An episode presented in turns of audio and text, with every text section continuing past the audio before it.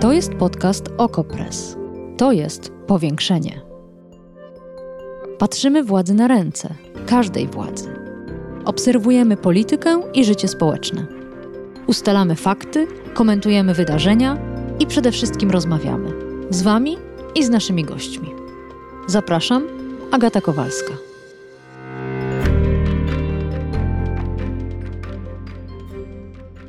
Dekarbonizacja, gazy cieplarniane, zakwaszanie oceanów.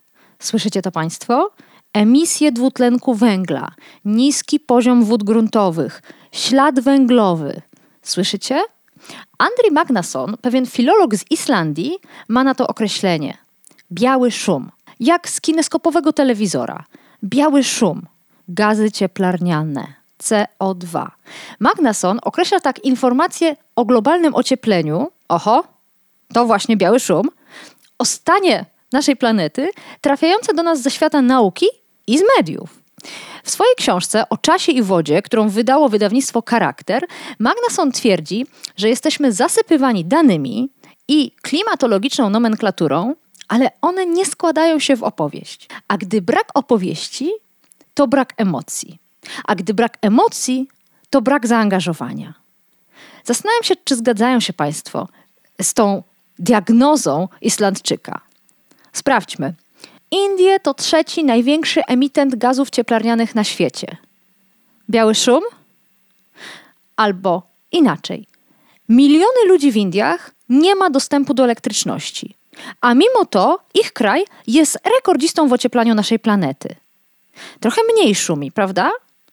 Zapraszam zatem na opowieść o szczycie klimatycznym w. To też szumi. Po prostu odwiedźmy Indię.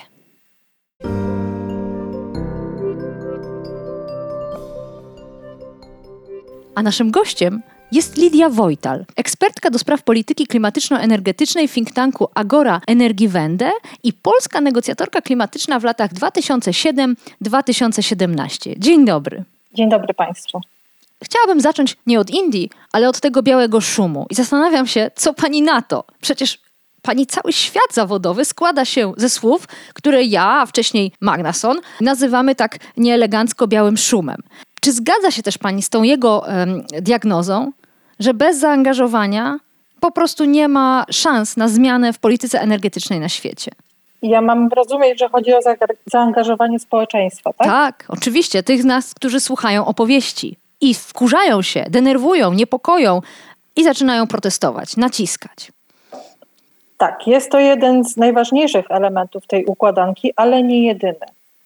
Choć oczywiście wszystko sprowadza się do wyborów i to są wybory tak na poziomie wyboru e, e, rządów, które te decyzje w sprawie całego systemu jakby podejmują, jak, co i pa, jak państwa mają robić.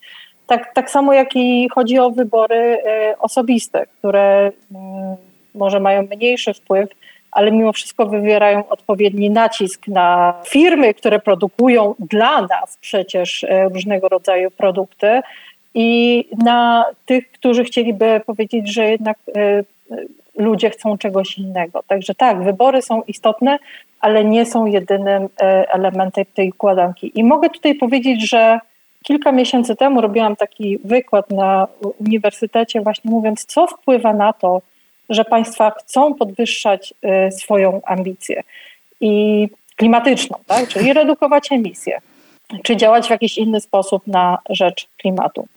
I wymieniłam takie cztery y, elementy, i presja społeczna to jest jeden z tych elementów, ale są także inne. I można tutaj zacząć od gospodarki, bo gospodarka oznacza, że państwa będą albo zyskiwać, albo będą tracić jeżeli zmiany klimatu przywiodą ich do wniosku, że no jednak jeżeli zaleje nam albo wysuszy nam część naszego państwa i ludzie będą budować i nie będziemy mieli co eksportować, no to jest strata. I wtedy jest to jakiś powód do tego, żeby się za wdrażanie polityki klimatycznej, tej bardzo szeroko rozumianej, e, zabrać. To, to jest bardzo dobry wstęp do tych odwiedzin w Indiach, kraju, który zaczął się rozwijać w niesamowitym tempie w ciągu ostatniej dekady, półtorej. W niewiarygodny sposób rozwinęła się tam produkcja, bardzo wiele powstało fabryk, bardzo wiele usług i bardzo, ale to bardzo skoczyły emisje dwutlenku węgla, gazów cieplarnianych, zużycie węgla. Zaraz jeszcze o tym porozmawiamy, ale chcę od razu wskazać, że są kraje, w których ten czynnik, który pani wymieniła, może zadziałać, ale na przykład za 50 lat, a nie, a nie teraz. Ale to, temu przyjrzymy się bliżej, patrząc też na to, co niedawno mówił premier Indii, za chwileczkę. Na chwilę jeszcze Zostańmy przy tych opowieściach. Mam wrażenie, że taki naprawdę mocny obraz, który dotarł do powszechnej świadomości, jak Coca-Cola i NBA, to jest Greta Thunberg krzycząca na polityków krzycząca do mikrofonu, krzycząca, że po prostu zabijacie nas. Mam wrażenie, że ona oczywiście przez niektórych jest wyśmiewana, ale, ale jednak jakiś przekaz trafił. Trafił y, do naszych głów, do naszych serc.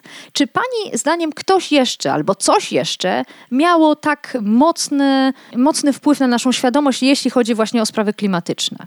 Nie wiem, czy były takie momenty, kiedy tak mocno uderzyło do świadomości państw, poza tymi corocznymi przecież szczytami klimatycznymi, kiedy ten temat właśnie ochrony klimatu zaczyna wchodzić do mainstreamu, tak na chwilę przynajmniej.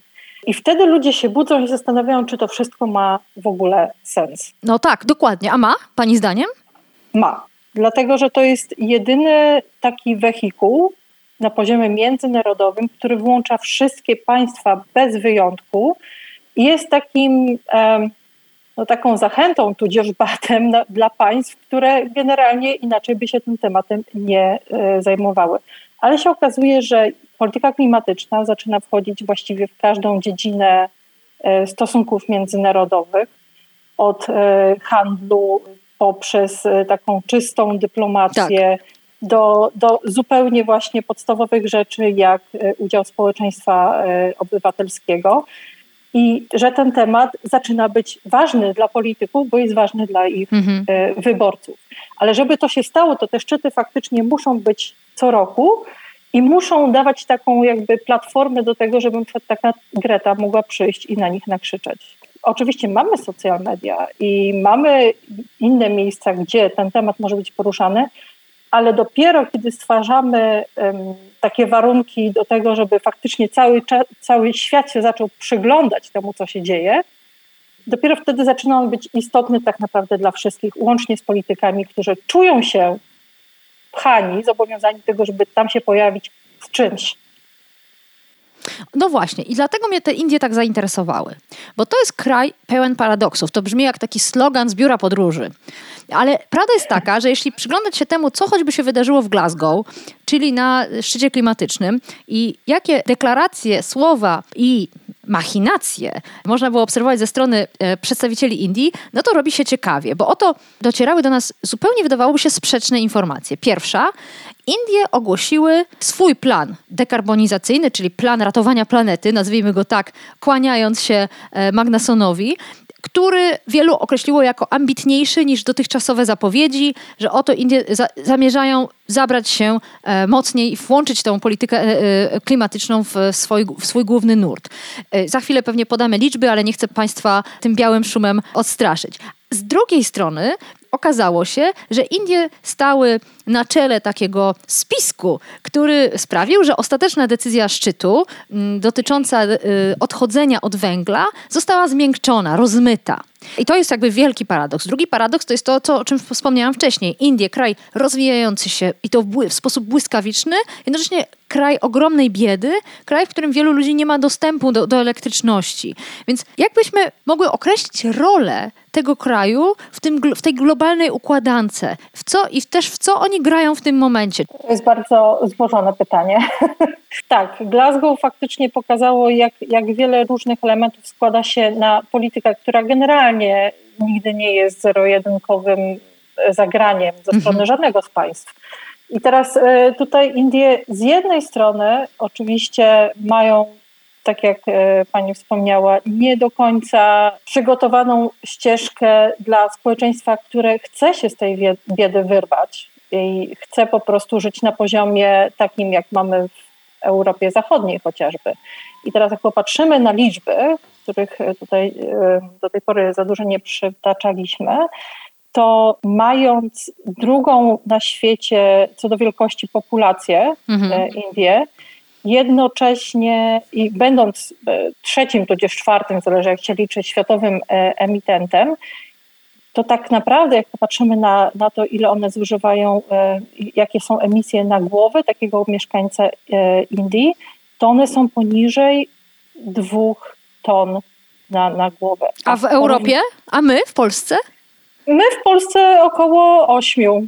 E, na poziomie całej Unii Europejskiej około 6,5, taka średnia. I zatrzymajmy się w tym momencie, bo ja się cieszę, że pani to tak policzyła. Dlatego, że jak przeglądałam doniesienia medialne, to jednak wszyscy używali liczb bezwzględnych. Co to oznacza?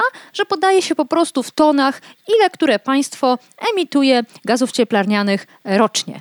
W efekcie Indie są tam rzeczywiście na początku stawki, na podium. A pani mówi, przeliczmy to na osobę. Co to oznacza w praktyce? Co, co to oznacza dla naszej też świadomości? Czy my dwie nie, i nasi słuchacze, słuchaczki, powinniśmy natychmiast opuścić kontynent azjatycki, przenieść się z powrotem do Europy, do Stanów Zjednoczonych, zawędrować jeszcze dalej i skupić się na tych, którzy konsumują najwięcej i emitują najwięcej, czy też jednak ten wybór Indii na temat naszej dzisiejszej rozmowy nie jest kompletnie nietrafiony.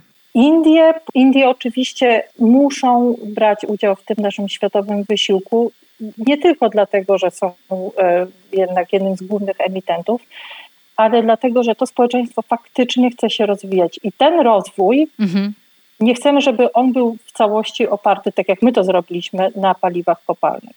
Bo jeżeli tak się stanie, to faktycznie i cele porozumienia paryskiego i, i te wszystkie pomysły na dekarbonizację świata po prostu runą hukiem. Mhm. Więc to jest tak naprawdę zarządzanie e, ryzykiem, patrzenie, co możemy zrobić, żeby ci ludzie, którzy zasługują przecież na lepsze życie, prawda, mogli, mogli je dostać w taki sposób, żeby dodatkowo nie obciążać e, klimatu. Jakiego rodzaju źródła energii mogą być tam dostarczone, no żeby te emisje nie rosły.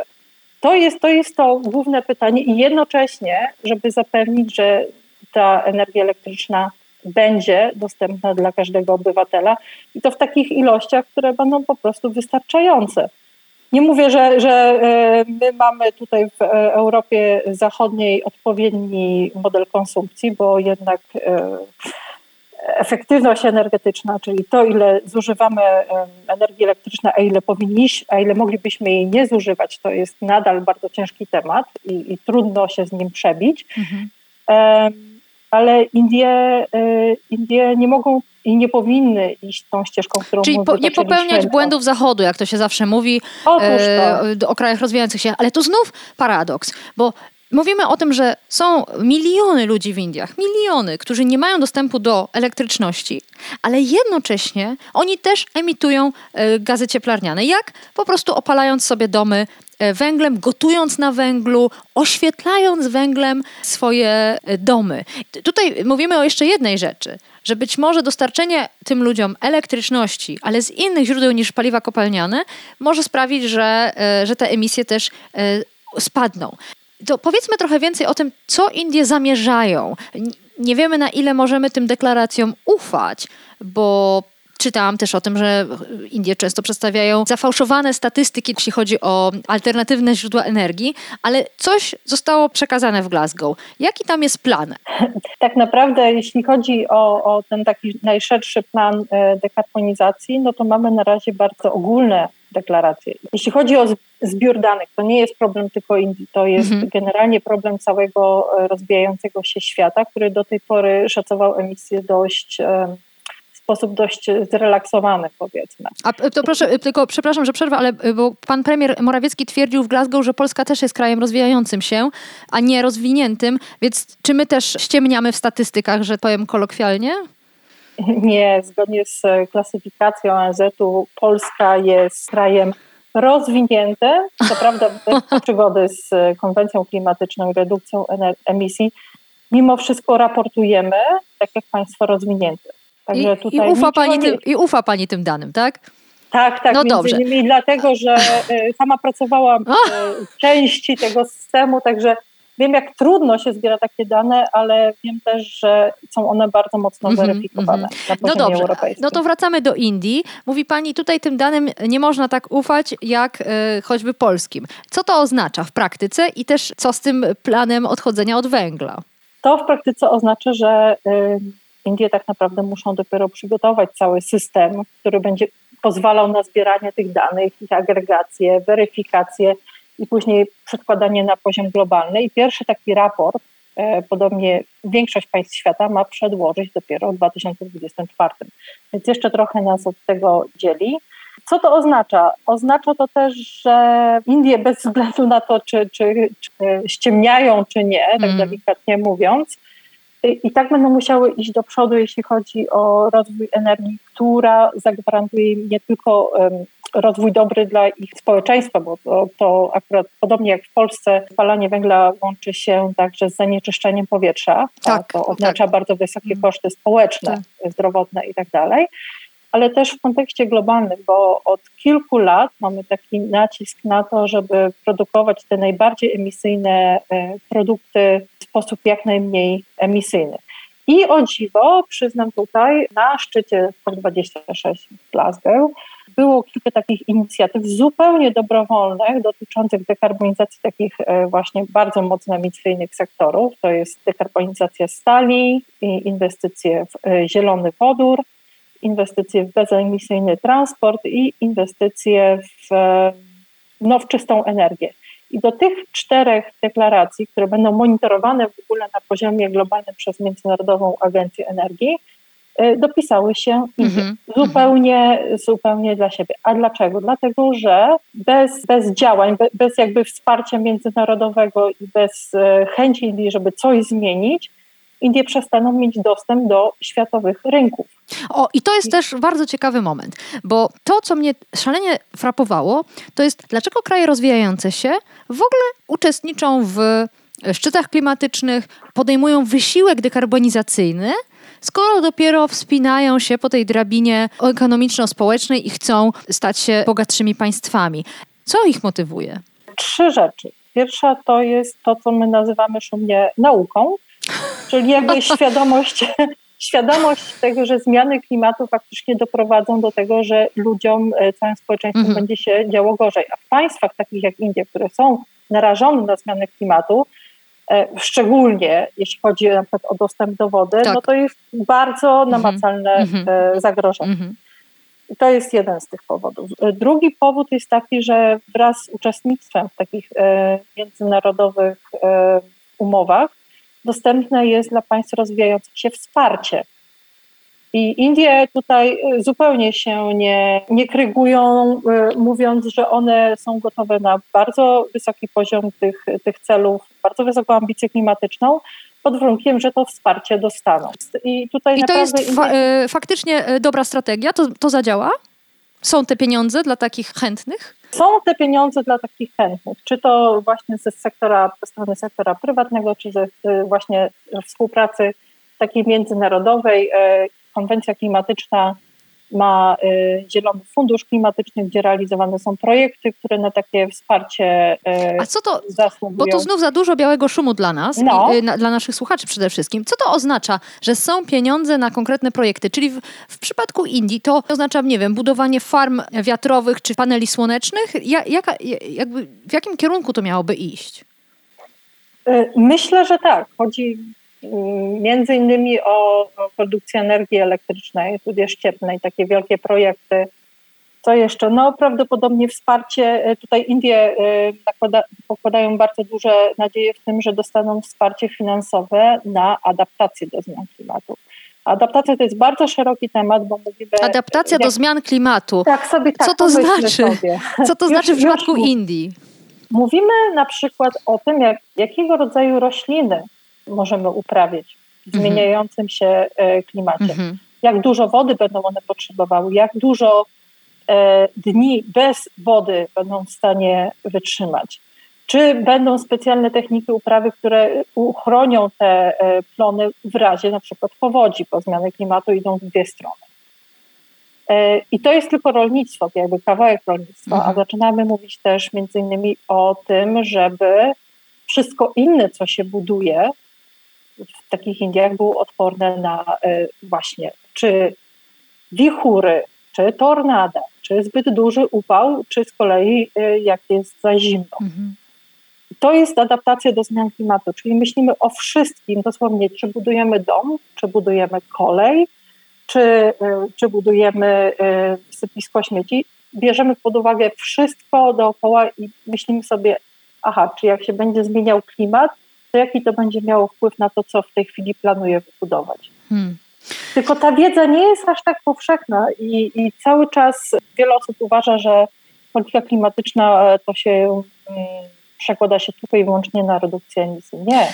Redukcja emisji są jedną częścią tego wysiłku, a drugą to jest właśnie pomyślenie o tym, jak, jak, tak, jak zmiany klimatu będą wpływały na wszystko, co tak naprawdę się dzieje w danym. I na to Indie chcą pieniądze. Mhm. Ja tak uparcie wracam do tego Magnasona y, z, te, z tą książką o czasie i wodzie. Bardzo Państwu ją polecam. Ona jest szalenie inspirująca.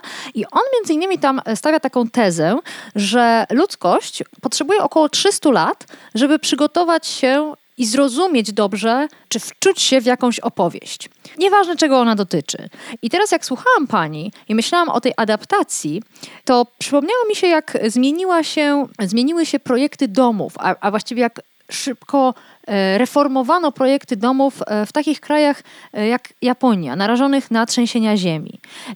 I tam założono z góry, że te trzęsienia ziemi będą się powtarzać na tyle regularnie, że dom musi być zbudowany tak, by nie zabijać ludzi, którzy w nim będą e, w czasie trzęsienia ziemi. I to wpłynęło na mniej lub bardziej cenioną estetykę e, japońskich miast. I pomyślałam, że o tym, jak przystosować się jako ludzkość do zmian klimatu, jeszcze w ogóle e, nie myślimy. Większość z nas nie zastanawia się, czy nasz dom jest odporny na niesamowite różnice temperatur, albo na wichury właśnie, albo na nawalne deszcze, czy po prostu nie zostanie zalany.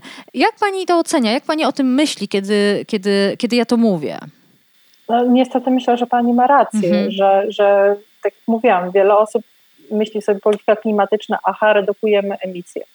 No nie, te zmiany klimatu, one już się dzieją i na tyle, na ile jesteśmy w stanie je przewidzieć, a tym się właśnie zajmują klimatolodzy, powinniśmy to brać pod uwagę jak planujemy wszystko, co w tej chwili się e, buduje, czy domy, jak mówiłam, właściwie czy co będziemy uprawiać, jak będziemy się przemieszczać, czy to, jak będzie wyglądał świat za 10-20 lat, bo przecież jak wybudujemy drogę, to ona nie będzie stała 5 lat, tylko prawdopodobnie 15, 20 albo i 30, czy, czy to da radę wytrzymać mm. w zmieniającym się klimacie? No właśnie, ale jeszcze na chwilę wracamy do Indii i chciałabym porozmawiać o czymś, co lubimy nazywać sprawiedliwością społeczną. I chodzi mi o różnice między krajami rozwiniętymi, takimi jak kraje europejskie, Stany Zjednoczone i tak zwany, szeroko zwana globalna północ, a krajami rozwijającymi się, w tym Indiami. To ten kraj produkuje dla nas. Co więcej, on nie tylko eksportuje usługi, produkty do tej bogatej północy, ale również importuje emisje, można powiedzieć, czy też my raczej do niego eksportujemy emisje. To tam przeniesiono wiele fabryk, to tam przeniesiono produkcję i zarazem przeniesiono problem. Co z tym y, zrobić i czy w jaki sposób światowe mocarstwa odnoszą się do tej kwestii, do tej niesprawiedliwości, jaką jest fakt, że my teraz mamy e, fabrykę wyniesioną poza miasto, że e, ujmę to w takim obrazie. Nie musimy się przejmować tym, że ona zanieczyszcza powietrze, czy właśnie niszczy klimat, bo ktoś inny tam e, przy niej pracuje i przy niej mieszka mówiąc o sprawiedliwości, trzeba by było trochę jednak popatrzeć najpierw w historię mhm. i zobaczyć, że to, e, tak jak mówiłyśmy na początku, e, to nie e, Indie najwięcej tutaj wyemitowały w historii, tylko raczej Stany Zjednoczone, Unia Europejska. No tutaj Rosja z Chinami dzielnie goni, o ile już nie przegoniła. Natomiast Indie nadal, jak popatrzymy od początku XIX wieku, no to nie jest tutaj największym, powiedzmy, trucicielem, jeśli chodzi o klimat. A czy to, czy to ma znaczenie? Czy ten wątek, w ogóle ta kategoria, jaką jest sprawiedliwość, jest brana pod uwagę w czasie negocjacji i w czasie oceny planów dekarbonizacyjnych, czy właśnie tych adaptacyjnych? Czy ten wątek Zawsze. historyczny, jak pani go nazwała, powinien być brany pod uwagę? To nie jest, czy powinien, on jest brany pod mhm. uwagę, ponieważ w momencie, kiedy przyjmowano konwencję klimatyczną w 1992 roku, państwa, które doprowadziły do tego, że ten proces zmian klimatu się za, zaczął, one powiedziały, że to jest nasza wina i dlatego my teraz mamy obowiązek przewodzić tym, tym redukcją emisji. My będziemy przede wszystkim więcej redukować, stąd teraz Unia Europejska na przykład musi osiągnąć neutralność klimatyczną do 2050 roku, a Indie dopiero do 2070 roku i to też nie klimatyczną, bo nie mówimy o wszystkich gazach cieplarnianych, tylko mówimy o dwutlenku węgla.